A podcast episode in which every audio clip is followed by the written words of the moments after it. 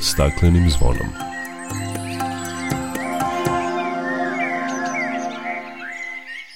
Dobar dan i dobrodošli na Zeleni talas prvog programa radija Radio Televizije Vojvodine. Ja sam Dragana Ratković.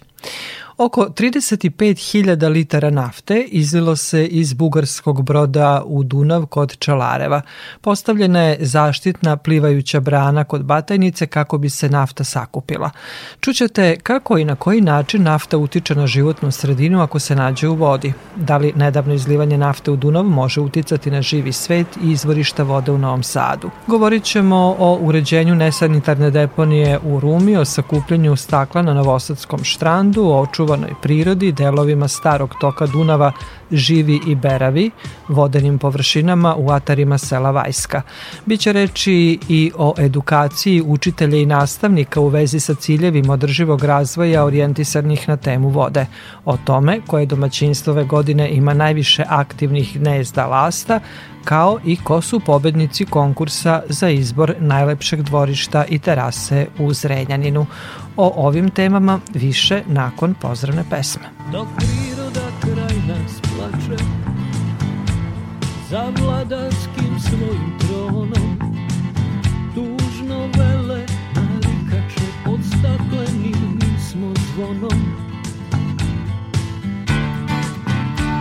Znaj vazduha više nema Sve Protiv sebe ide čovek I to često bez pardona.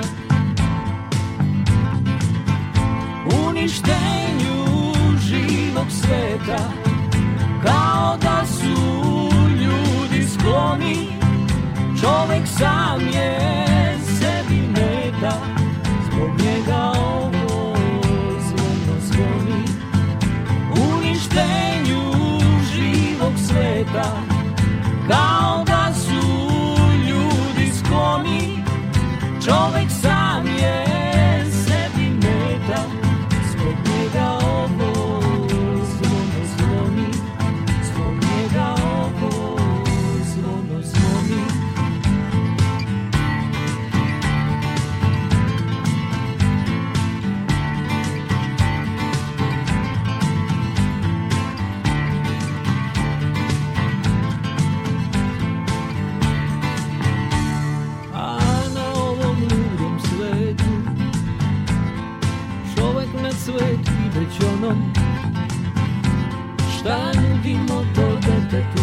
Od stakleni kad smo zvonom. Uništenju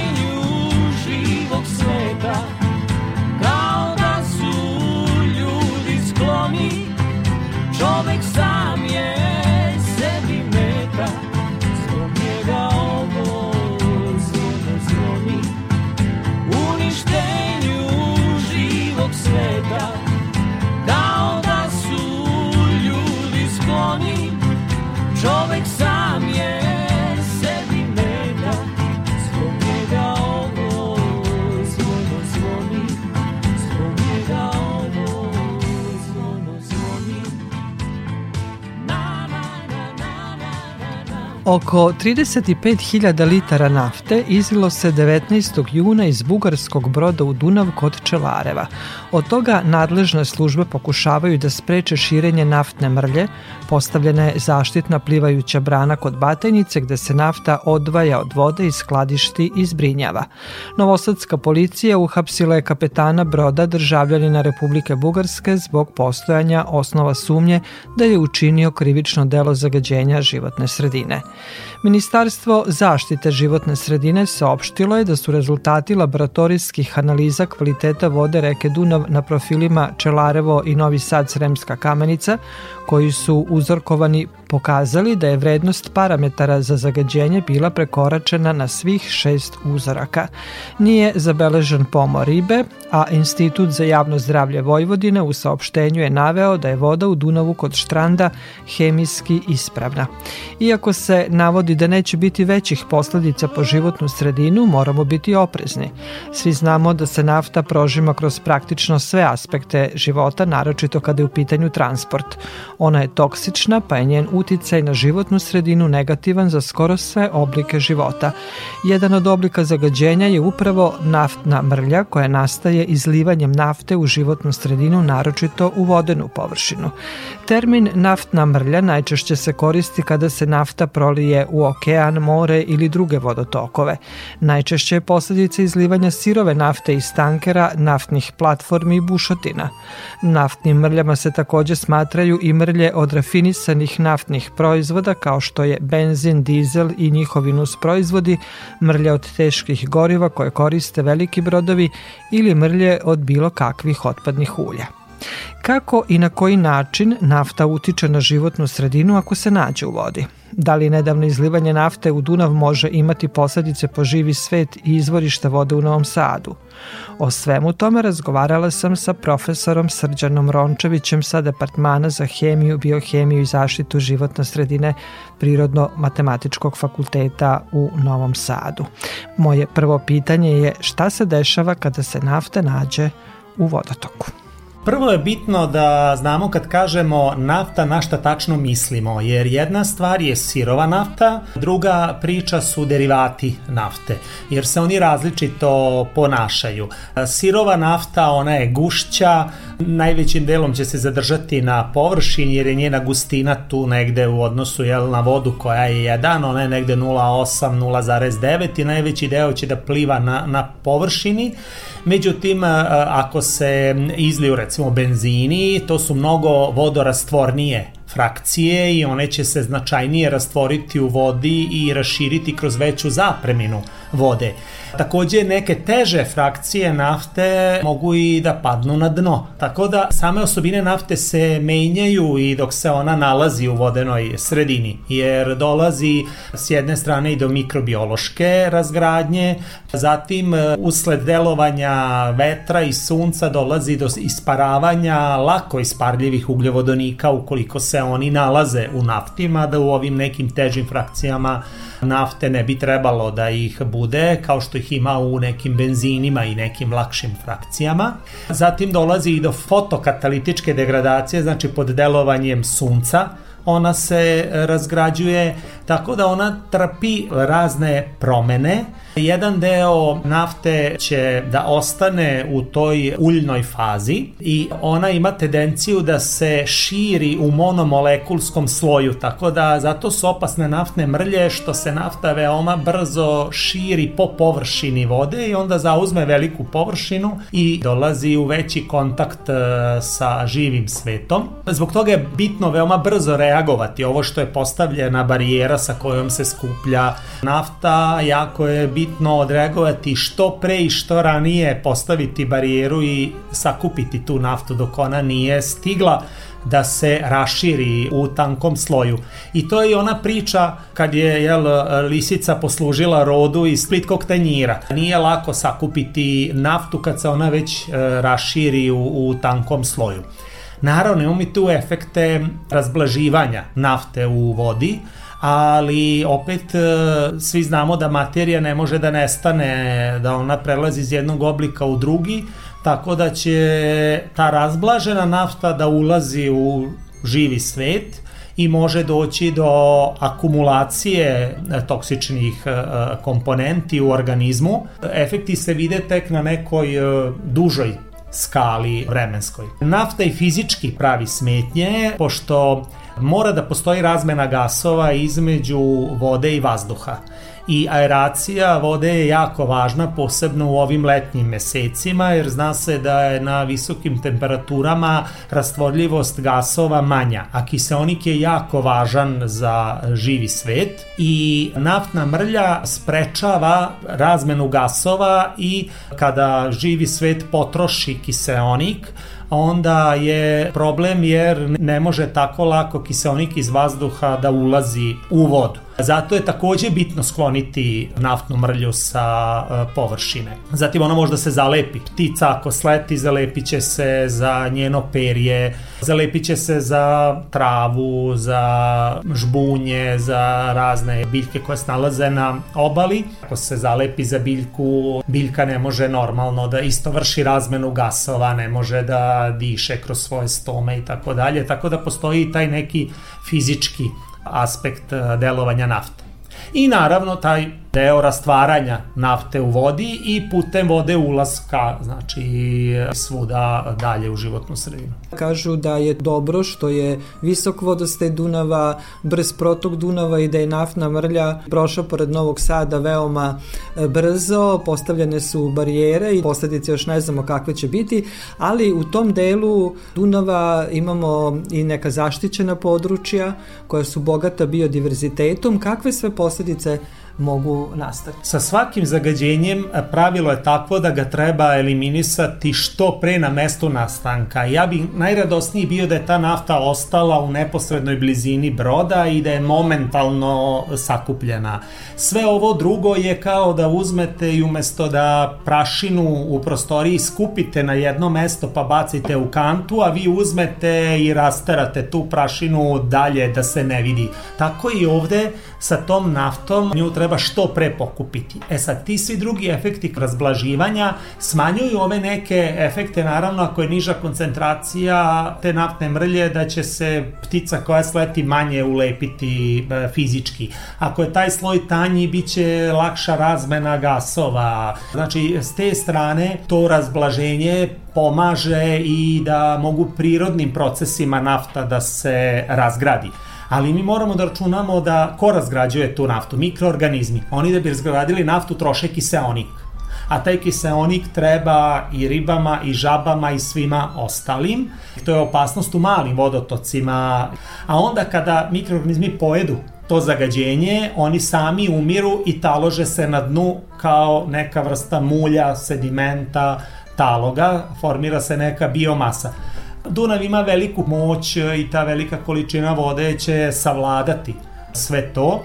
Međutim, mora se pratiti situacija šta je sa tim plavnim područjima. Mi sad vidimo da je dosta neštićenog, nebranjenog područja pod vodom i to i normalno i ta područja i služe za to. Kada voda sa naftom uđe u takvo jedno područje, ona će se tu zadržati. Ona ne može lako odatle da se ispere, zalepit će se za biljke životinje. Ako imamo neke zaštićene vrste, one će biti duže vreme izloženo samom delovanju nafte. Ovde postoje neke procene da je matica odnela najveći deo te nafte i da će se ona uh, sakupiti na mestu gde su postavili barijeru, ali treba ipak da se isprati situacija, da, će, da se uđe u zaštićena područja, da se vidi da li je nešto od te nafte ušlo u te zone. Mi smo imali takvu situaciju i sa cijanidima kada su iz Tisom došli iz Rumunije, iz rudnika Bajamare 2000. godine gde je postojala opasnost ako voda sa cijanidima uđe u ta područja, da li se tu i mreste ribe. I, i čak postoji praksa u nekim zemljama da a, ribnjaci imaju vazdušnu barijeru na mestu kontakta a, reke i samog ribnjaka i u slučaju da neko zagađenje naiđe rekom, oni e, aktiviraju tu vazdušnu barijeru da spreče da zagađenje uđe u njihov e, ribnjak, nego da prođe dalje. Ovde mi naravno nemamo te e, barijere postavljene i trebalo bi ispratiti situaciju i videti da li je došlo do ulaska te naftne mrlje u te neke rukavce. Nezgodna su u slučaju svih ovih izlivanja zato što onda se zagađenje može duže zadržati u, u takvim zonama. Bez obzira na neke prve procene da neće biti nekog velikog zagađenja i treba biti oprezan.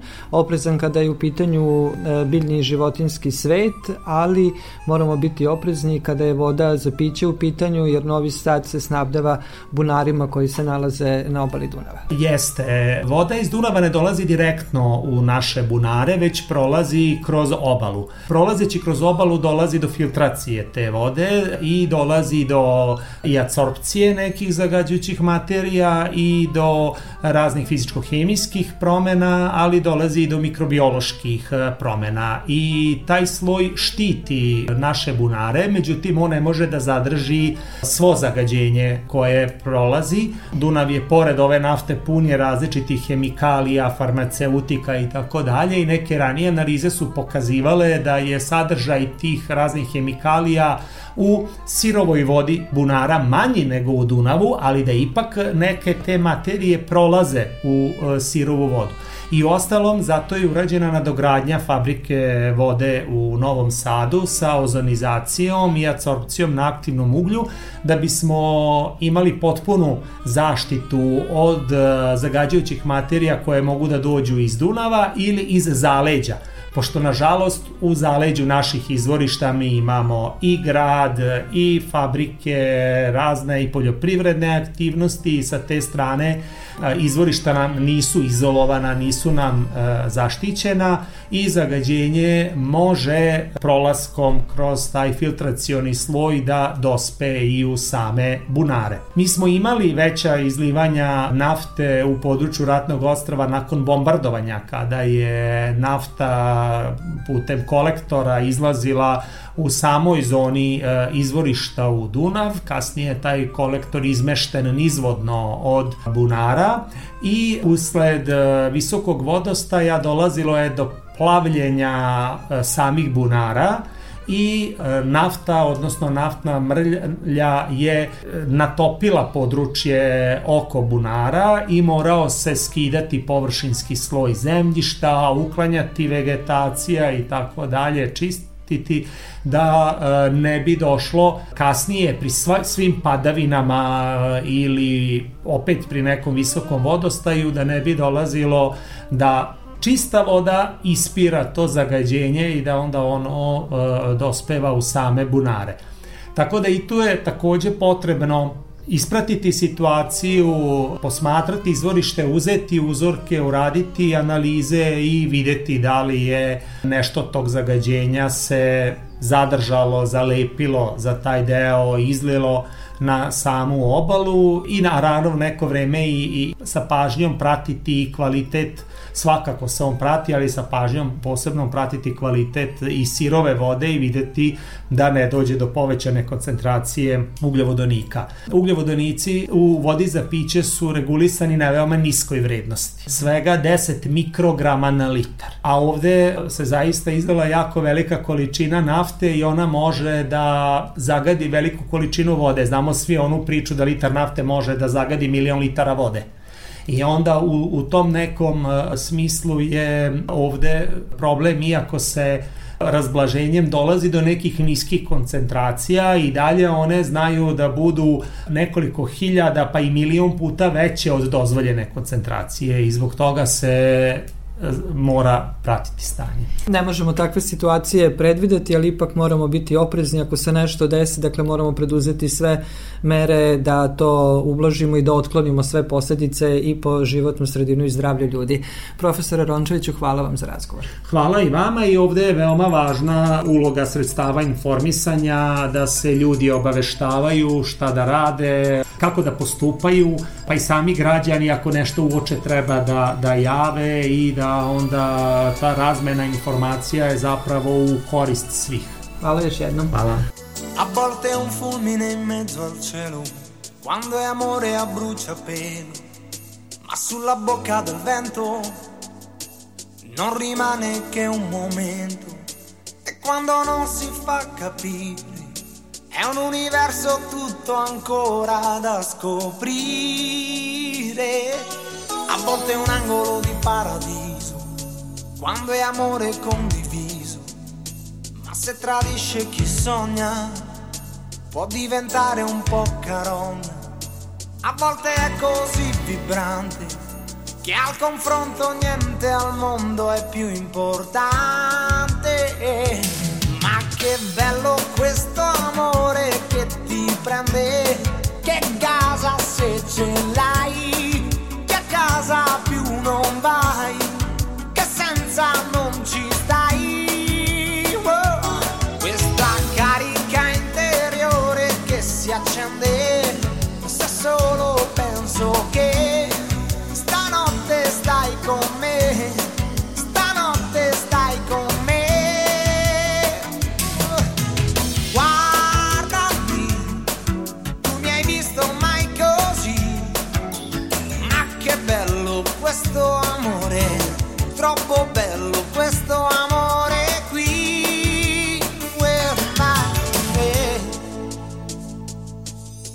a volte agisce di nascosto, quando è amore ad ogni costo, e nelle notti di ghiaccio si può sciogliere in un abbraccio, a volte è così evidente che non gli importa dimostrarsi alla gente, ma che bello questo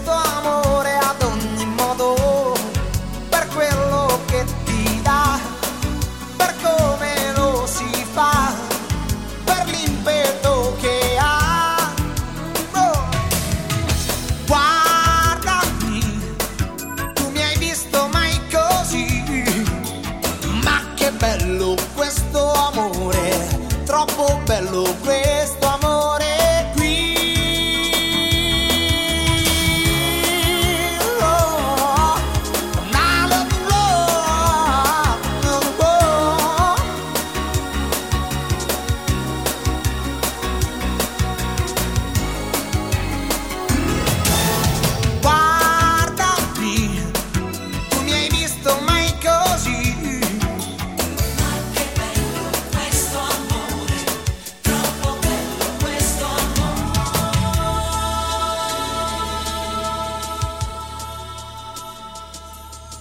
Slušate emisiju pod staklenim zvonom. U nastavku emisije jedna sasvim druga priča o očuvanoj prirodi, o očuvanoj i čistoj vodi.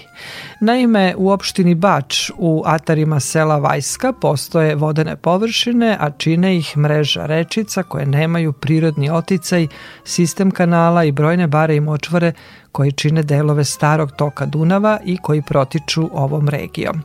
Pažnju su nam privukle živa i berava, prave autentične divlje vode, kako ih često nazivaju ljubitelji prirode. Gotovo netaknuta priroda koja na jednoj obali s ponosom pokazuje oborena stabla u vodi, a u svom podvodnom svetu kriju mudrog šarana, lokvanji kriju grabljivca basa, a iz trske i drezge vrebaju velike štuke. Druga obala je uređena kao ribolovačka staza, uredno pokošena s tim da je priobalni lokvanj nedirnut. To malo otežava pecanje, ali ne dira se ništa bez preke potrebe.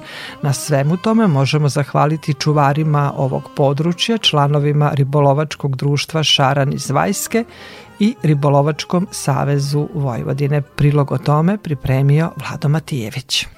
Drugi put sam se u poslednjih godinu dana našao na ovim terenima. I ne slučajno. Za pecanje na ovim terenima vredi preći i nešto više od 70 km od Novog Sada. Priroda gotovo nestvarno buja u svoj svoje lepoti lokvanja i krošnji nadvijenih nad vodom praveći hlad. To se jednostavno ne sme propustiti. Besplatan čas biologije i biodiverzitet u punom sjaju razgovaramo sa jednim od glavnih krivaca koji se sa svim članovima Sportskog ribolovačkog društva Šaran iz Vajske istinski trudi da ovo područje učine što zaštićenijim. Trud i entuzijazam u očuvanju svih biljnih i životinskih vrsta koje žive tu u simbiozi sa vodom. Stevan Adamović, predsjednik ovog udruženja i ribočuvar volonter Ribolovačkog saveza Vojvodine, rekao nam je nešto o poreklu ovih voda, ribljem fondu i redovnom apelu ribolovcima da ih čuvamo. Ovo je ravničarska rečica koja je izvirala gore kod Karaukova, ali je vremenom ljudi su pregradili, tako da je sad to u stvari neki vodotok koji se puni sa podzemnim vodama i skoro je, skoro je stajačica. Što se tiče ove vode su do 2019. bile devastirane s krivolovom i ovo i onda se desilo to da smo u isto vreme kad sam ja postao predsednik ribolovačkog društva Šara Vajska i Ribolovački savez Vojvodine dobio na upravljanje o, ove vode koje su bogom dane kako po, po lepoti prirode tako i po ribljem fondu. Ovde možemo da nađemo sve, bukvalno sve uh, barske rečne ribe koje se nalaze na našim terenima. Imamo čikova, imamo zlatno karaša, od tih nekih riba koje su izumrle, a od ovih štuke imamo krupne primerke basa u izobilju, šarana, amura, soma. Posebno ono što bi teo istaći je da, da je bas nekako o, našim trudom uspeo da se ovde najviše i štuka normalno da se najviše oporave. Šarana ima baš krupnog i lepog, kao što vidite, vi ne možete videti na, na radiju, ali ovaj da je voda čista, da se održava, bukvalno svakodnevno kupimo, uvek ima nesavesnih ribolovaca, ali se trudimo da, da nema nikakvog otpada na njoj i da je održavamo onako kakva jeste Bogom dana za uživanje u prirodi. Na koji se način reguliše nivo i zašto je u pojedinim periodima godine viši, kao i o dubinama same vode, Adamović kaže. Ima gore pumpa kod plavne koja reguliše i recimo ovih godina su, su skidali nivo vode ovde, ali sam ja uspostavio saradnju sa vodoprivrednim društvom Duna uh, iz Bačke Palanke, tako da pogotovo u doba mresa gledamo da, da bude ona višlja, da bi se ta riba uspešno izmestila, a onda oni moraju ljudi svoj, svoj posao da obavljaju onako kako je naležano, onda u toku godine se skine malo nivo, ali uglavnom do šestog meseca, do 15. šestog ili do kraja ovaj, E, juna obično voda bude ovako kako je sada veći malo vodostaj. Imamo mesta gdje je 11 metara, to su malo, malo mesta, ali prosečno je između e, metar i po i 4 metra. Možda nekim ranijim izlivanjima Dunava da je ostalo nekih podzemnih izvora. Upućuju se stalni apeli na savest sportskih ribolovaca kojih ima sve više kako onih na obali, tako i onih na čamcima. Što se tiče smeća i ljudi ovaj, iz kluba pomažu, ali ja i Aleksandar Obrenić, ribočuvar, svakodnevno znači bukvalno iza svakog ribolovca opominjemo, nudimo ove džakove za smeće i tako da je malo to ušlo sad i u krv ljudima da sve manje ostavljaju sveća. Još se uvek nađe nesavesnih, ali kad čovjeku jednom, dva put, tri put kažeš, onda on gleda da izađe u susret i onda na kraj krajeva kad vidi ovu da je čisto, da je sve, valjda nekome savjet proradi zašto bi bacio smeće i baš, je, baš se po tom pitanju trudimo. A kako ove obilne kiše, koje su nas zadesile još od proleća, utiču na živi svet u vodi i oko nje? Naš sagovornik naglašava samo neke od koristi obilnih padavina. Mi volimo kad su velike kiše, a jeste da riba onda slabije radi, ali pritok, priliv ovaj, sveže vode koja odgovara ribi po svakom pitanju veliki i ona bolje se ponaša. Jedino pecaroši onda nisu zadovoljni. Treba napomenuti da je u svakodnevnom i redovnom obilasku ovog terena i Aleksandar Obrenić, ribočuvar Ribolovačkog saveza Vojvodina, koji nam je potvrdio kapitalne ulove basa i štuke, aktivno učestvovanje u akcijama uređenja okoline, posebno na živi, koja posjeduje dugačak pojas praktičan kako za rekreativni, tako i takmičarski ribolov. Ovu prirodnu lepotu svakako treba očuvati, napomenuli su naši sagovornici.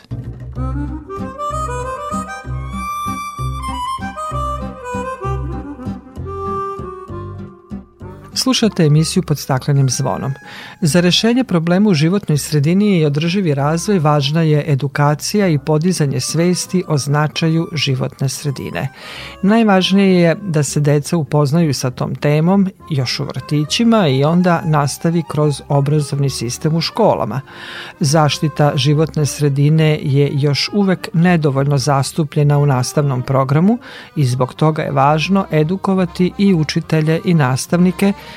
kako bi kroz svoj rad skrenuli pažnju i upoznali ih sa značajem očuvanja životne sredine. Nedavno je u okviru projekta Unapređenje znanja i veština povezanih sa ciljevima održivog razvoja orijentisanih na temu vode u kurikulumu za osnovne škole održan trening za učitelje i nastavnike. Projekat se kroz partnerstvo realizuje u Sloveniji, Hrvatskoj i našoj zemlji. Partner u projektu je Eko Koncept Pogon iz Novog Sada, a šta je cilj ovog projekta pitala sam Majdu Adlešić, čija organizacija je partner u projektu unapređenje kvaliteta sadržaja nastavnog programa, uvođenjem teme vode povezane sa ciljevima održivog razvoja, namenjene znači kurikulumu za osnovne škole, ali je primenljivo i za srednje. Odlazite u škole i radite sa, i sa nastavnicima i sa decom. Koliko su sadržaji zaštite životne sredine zastupljeni u programima školskim? U najširem smislu zaštita životne sredine je zastupljena. Znači na razne načine, bar na ovom ovom nivou gde ja radim sa decom imamo dosta prostora, povezujemo sa svim predmetima, znači tu je negde i neka inventivnost e, i fleksibilnost učitelja otvorena, znači ima potencijala. Oni u nastavi u samom programu, u učbenicima na dosta nivoa se povezuje sa zaštitom životne sredine. Međutim, ovako specifični segmenti, kao što smo mi sada izvojili temu vode, pa povezali sa ciljima održivog razvoja, to je već jako teško uklopiti, odnosno jako je teško naći da već postoji. Mi sada radimo na tome da kroz već postojeće osmišljavanjem novih to nekako povežemo sa, sa onim što oni već rade. Deca vladaju pojmovima zaštite životne sredine, znači deca znaju i za prirodna dobra, prirodne resurse, reciklažu, cirkularnu ekonomiju, znači puno pojmova oni poznaju, nemaju puno prostora da ih e, implementiraju, znači praktične iskustva im nedostaju, uče o tome tome, ali evo ovo sad neki novi nivo. Zašto ste baš odobrali temu vode? Pa zato što je tema vode je aktuelna uvek, jer e, pogotovo ovde u Vojvodini, Srbiji, nam je ona jedna jako ovaj, slaba tačka odnosno resursi vode su dosta ugroženi, kvalitet vode je jako loš, Vojvodina je podneblje gde se proizvodi hrana, gde je zbog proizvodnje hrane zadnjih godina jako zagađena i zemlja, samim tim i voda, vazduh. Tako da je nekako bilo logično, onda tema vode se inače već provlači kroz kurikulume na razne načine, već je ima opet ja imam neko iskustvo u radu sa tom temom, negde sam videla gde je prostor za to, tako da kad smo osmišljavali program, išli smo na to da nam fokus bude otpada kod hrane, otpadci od hrane, ali da oni budu ipak vezani za taj, za taj problem koji se stvara uh, vodi bacanjem. Koji je to problem koji se stvara vodi? Pa to je pro, problem je u samom procesu proizvodnje je velika pre svega potrošnja vode i kroz taj nivo zagađenje vode upotrebom hemijskih sredstava i svega ostalog onda kad se baci hrana, bacili ste i tu vodu. Bačena hrana na razne načine opet zagađuje i zemlju i vodu i vazduh, tako da se to opet sve povezuje i nekako kada bacimo hranu prosto smo uništili mnogo toga. Znači ne samo da smo potrošili vodu, potrošili smo energiju, ima gasova koji zagađuju vazduh, utiče na zemlju, potrošen je novac, potrošena je energija, potrošeno je vreme da se ta hrana napravi, transportuje i tako dalje. Znači nekako u najširem opsegu zahvata objedinjuje u stvari probleme koji se odražavaju na stanje životne sredine. Da li smo uopšte svesni koliko vode koristimo uopšte za proizvodnju hrane? Pa ne. Naš vodni otisak. Da, da, da, malo ljudi je svesno toga i postoje na svu sreću e, ljudi koji se dugi niz godina bave već time, ozbiljnim istraživanjem. Postoji Water Footprint Network e, iz Holandije. Postoji jedna veoma ozbiljna dizajnerka, žena se bavi dizajnom statističkih podataka i ona je napravila jedan e, jako zanimljiv sajt Water We Eat, voda koju jedemo i tek kroz te podatke mi u stvari vidimo koji je obim potrošnje vode da bi se napravio neki prehrambeni proizvod. Što je zahtevniji proizvod, što je to više prerađeno, veća je potrošnja vode. Dok dođemo do šoljice kafe ili do, dok dođemo do nekog sira ili dok dođemo do komada mesa, jako puno procesa proizvodnih prođe, svi oni zajedno jako puno vode potroše, tako da na primjer imamo te neke frapantne cifre da je šoljica kafe 145 litara vode, da je jedna šnicla mesa 5000 litara vode, da je tako, na primjer, jedno jaje, mislim, 200 i nešto litara vode. Znači, to su tako sve neke brojke koje mi ne možemo odmah kad čujemo da shvatimo, deca su simpatična kad kažu kako jednu šoljicu kafe stane 145 litara vode, pa onda kad objasnimo gde se kafa gaji, kako se gaji, šta je sve potrebno da se od, od te kafe. biljke dobije zrno kafe koje opet mora da se melje, prerađuje, pakuje u vrećice, transportuje, dolazi u radnje. Aha, i onda kažu, aha, a i voda koju potrošimo da skuvamo.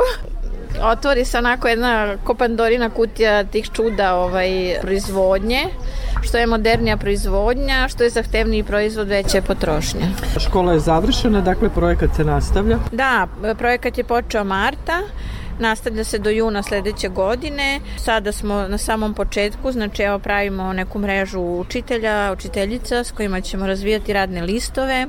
Čim počne školska godina, krećemo u testiranje tih radnih listova i do kraja projekta, tamo negde do maja planiramo da to bude ta neka radna sveska u elektronskom obliku i na kraju projekta će u svakoj državi, imamo partnere iz Slovenije i Hrvatske, u svakoj državi ćemo organizovati vodni dan, to će biti čitav dan posvećen demonstriranju tih raznih ideja i tema kroz te ove radne listove. Sve će biti u školi Dušan Radović jer je ona partner Eko Koncept Pogonu u ovom projektu ovde u Srbiji. Takav dan smo videli u Sloveniji na partnerskom sastanku, tako da imamo model, imamo ideju, ali ćemo se truditi da mi to sa našeg aspekta, sa nivoa problema kakve mi ovde imamo, koji su drugačiji nego u Sloveniji, pokažemo i rešimo i uvedemo tu temu ovaj, prosto u, u nastavu.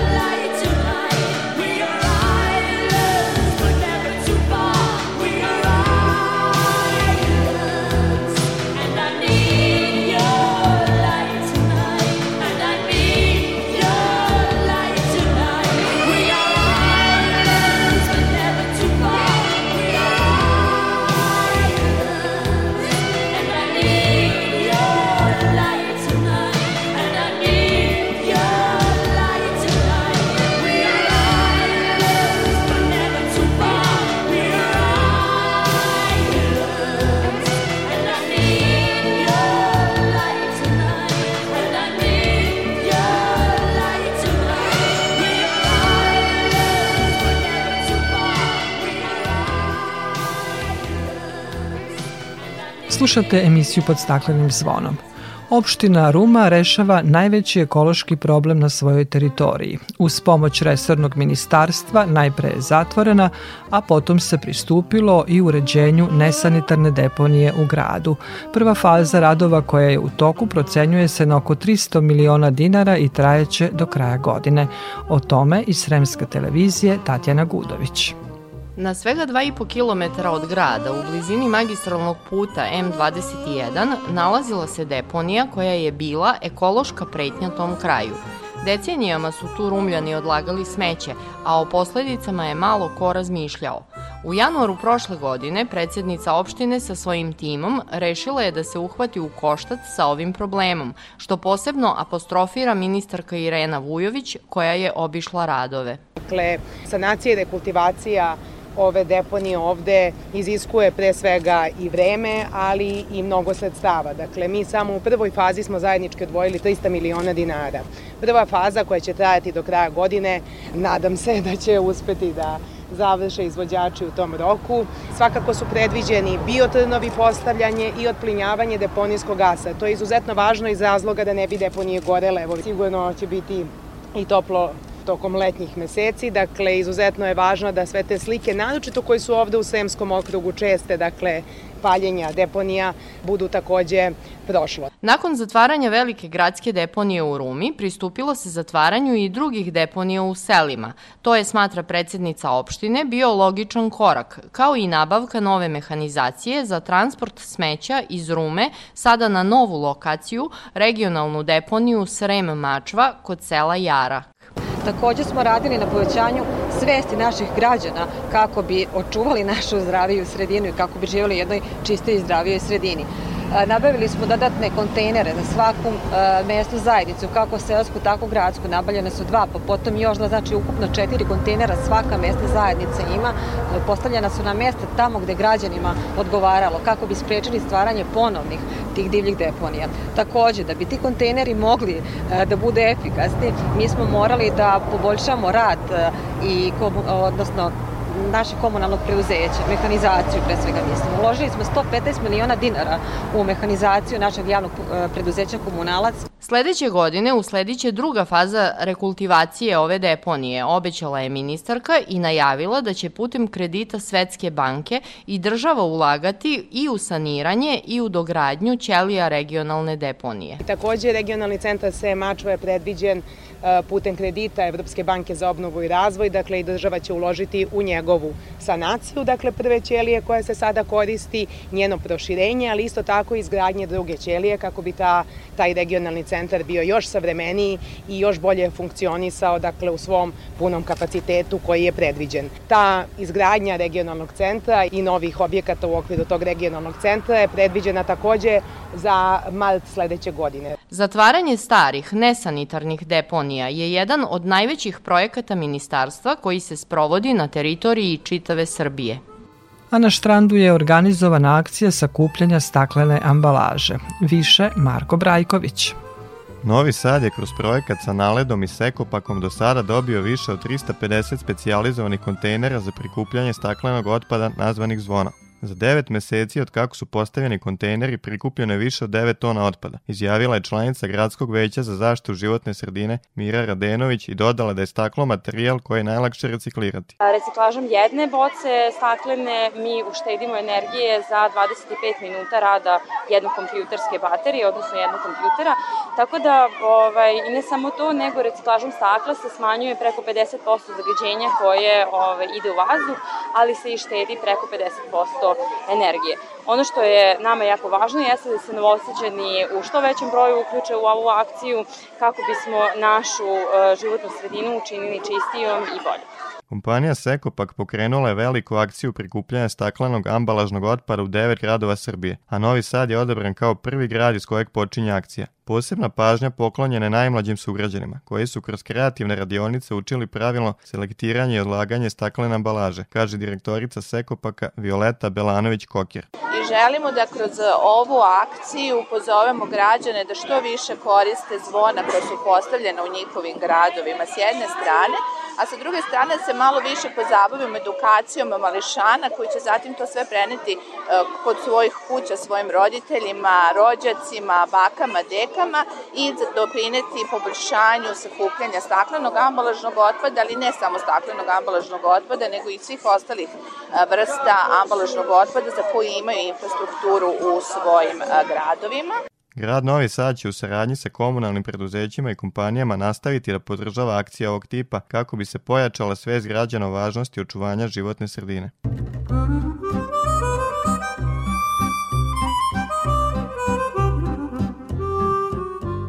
Slušate emisiju pod staklenim zvonom. Sedmu godinu za redom Društvo za zaštitu i proučavanje ptica Srbije organizovalo je takmičenje za domaćinstva koja imaju najveći broj gnezda lasta. Takmičenje je završeno, a koja su to domaćinstva koja su laste odabrale saznaćemo od Uroša Stojiljkovića iz Društva za zaštitu i proučavanje ptica Srbije. Uroše, dobar dan i dobrodošli na Talasa Radio Novog Sada. Dobar dan, Dragano, i hvala na pozivu. Uroše, sedmu godinu za redom organizujete takmičenje koje ima za cilj da podrži seoska domaćinstva koje se bave poljoprivredom, ali da podrži to neko prijateljstvo između ljudi i lasta. Kakav je bio odziv ove godine? Odziv je ove godine bio nešto bolji nego prošle godine. Imali smo 145 prijavljenih domaćinstava, u tih 145 domaćinstava je istoreno 978 gnezda, što je negde otprilike oko 6000 lasti. Tako da odziv je nešto bolji nego prethodne godine, ali smo primetili neke druge razlike a to je da imamo mnogo više domaćinstava sa manjim brojem gnezda. Bilo je nekoliko domaćinstava sa recimo 50 gnezda otprilike, naši pobednici koji su imali 75 gnezda, oni su da kažem bili jedini sa tako velikim brojem, tako da su bili ubedljivi u pobednici. Tako da eto to su da kažem neke zanimljive brojke u poređenju sa prethodnim godinama. Ko su pobednici ove godine? Pobednici su vredni ljudi, domaćini iz e, Trešnjevac zove selo na severu e, Banata, porodica Karolja Tota. Oni su stočari, imaju 10 krava u štali, tako da nagrada tona kukuruza je zaista otišla ovaj, u, u prave ruke. I ta naša želja da zapravo podržimo ljude koji se na neki tradicionalni, e, održiviji način bave poljoprivredom se zapravo i ostvarila. Zaista žiri kada je obišao ovu porodicu uverili su se da je to neki stari tip štale u kojem ima puno nekakvih greda i prosto neverovatno mi takav prizor do sad nismo videli da su te laste i njihova gnezda toliko načičkane. Znači to je jedna greda i gnezda lasa obe strane te grede. Tako da ono što je bio, da kažem, primarni cilj i želja sa ovog takmičenja, to, to je i ostvare. Dakle, autentični seoski ambijent koje laste vole. Upravo tako, znači puno stoke oko kojih se motaju nekakvi insekti kojima se laste hrane, domaćini koji ne prskaju, ne tretiraju previše tu štalu nekakvim insekticidima i tako dalje. Dakle, jedan prirodni ambijent koji zapravo podržava laste, što se eto i pokazalo brojem gnezda. Jer laste vole insekte, time se i hrane i znamo onaj podatak da jedna lasta za sat vremena pojede i do 60 insekata, dakle njima ne trebaju nikakva hemijska sredstva da bi se rešili insekata.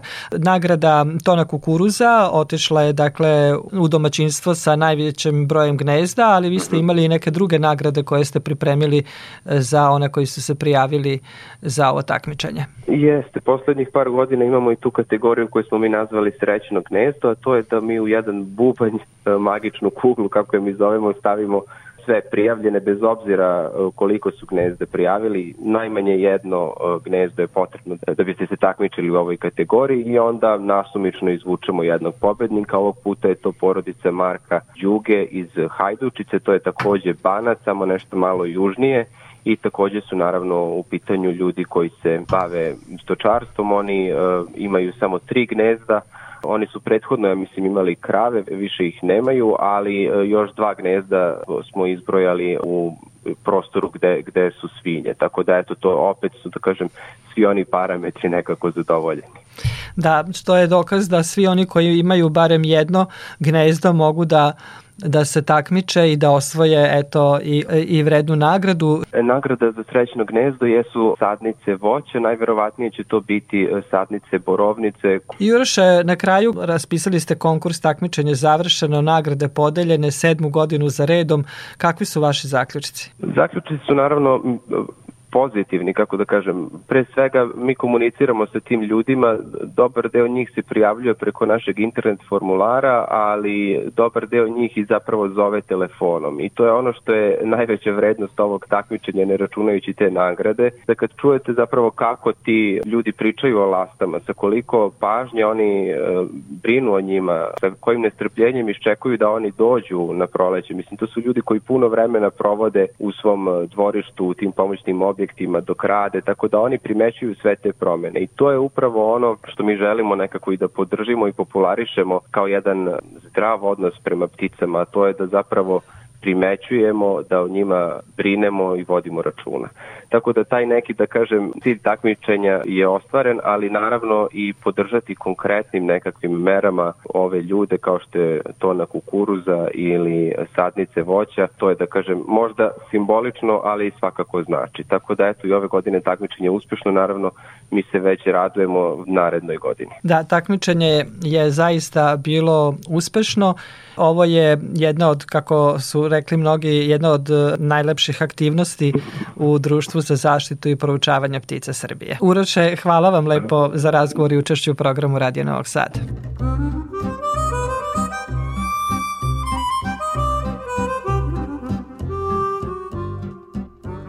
I za kraj o još jednom konkursu. Javno komunalno preduzeće Čistoća i zelenilo iz Renjanina u saradnji sa gradskom upravom raspisalo je konkurs za izbor najlepšeg dvorišta i terase. Pobednici su proglašeni i nagrađeni poklonima u vidu sadnog materijala. O tome Eleonora Horvat.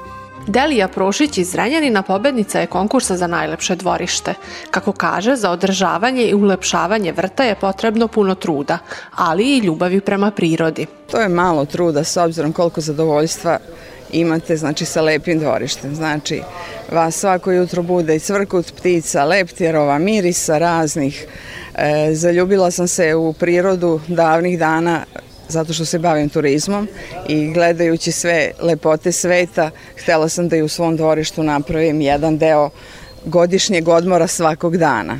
Na konkurs javno-komunalnog preduzeća Čistoća i zelenilo za izbor najlepšeg dvorišta i terase stiglo je 29 prijava. Rekao je Nemanja Milinković, direktor javno-komunalnog preduzeća Čistoća i zelenilo. U planu je da se ovaj konkurs održi i naredne godine i svake sledeće, dakle da postane tradicionalan. E, građani su oduševljeni ovom idejom. Ovo je jedan od načina da postaknemo i građane da malo više povedu računa o životnoj sredini, o svom okruženju. Odziv je bio stvarno fenomenalan. E, čak šta više našoj komisiji je bio problem da izaberu šta je to najlepše, jer svi koji su se prijavili stvarno su dali ljudi sve od sebe da taj neki prostor kojem oni žive i borave bude onako prelep i da liči na prave e, zelene oaze. U obe kategorije konkursa nagrađena su prva tri mesta, a nagrade u skladu sa temom konkursa bile su u vidu sadnog materijala, ukrasnog bilja kao i vaučera.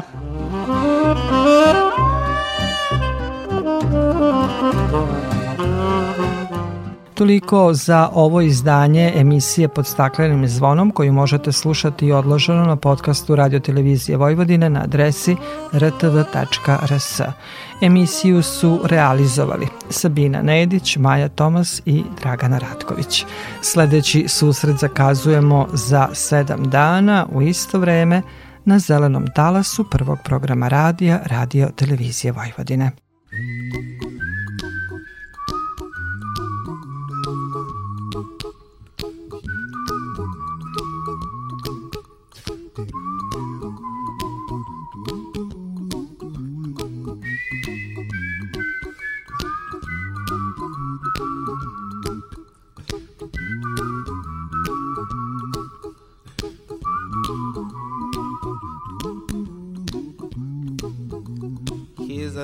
song I wrote.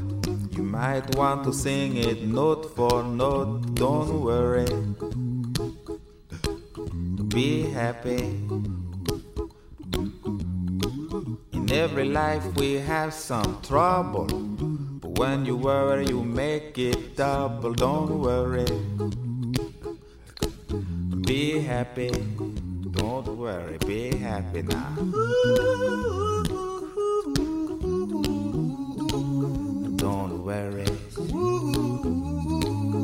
Be happy. Don't worry. Be happy.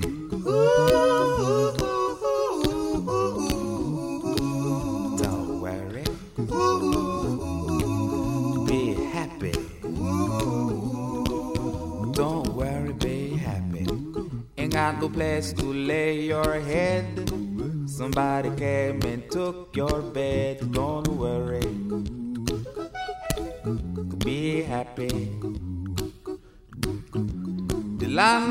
say your rent is late. He may have to litigate. Don't worry. Be happy. Look at me, I'm happy.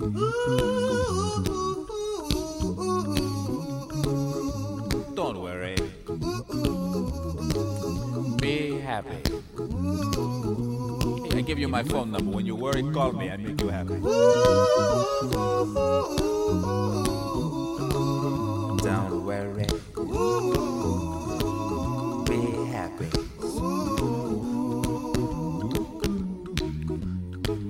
Ain't got no cash, ain't got no style, ain't got no gal to make you smile, but don't worry. Be happy. Cause when you worry, your face will frown, that will bring everybody down. So don't worry. Be happy. Don't worry. Be happy now. Don't worry. Be happy. Don't worry, be happy.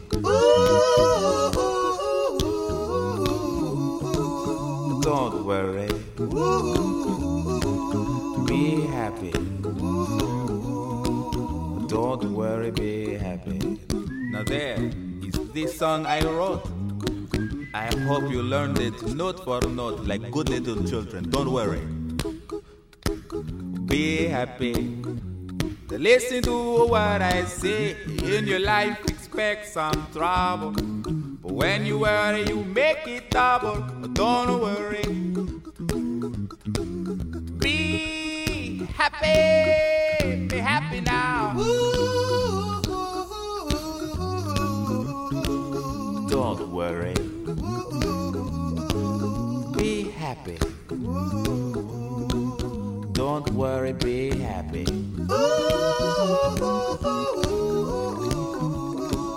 Don't worry.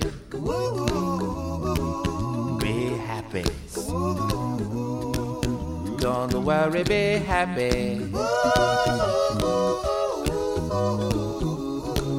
Don't worry. Don't worry. Don't do it. Be happy. Put a smile on your face. Don't bring everybody down like this. Don't worry. It will soon pass, whatever it is. Don't worry, be happy.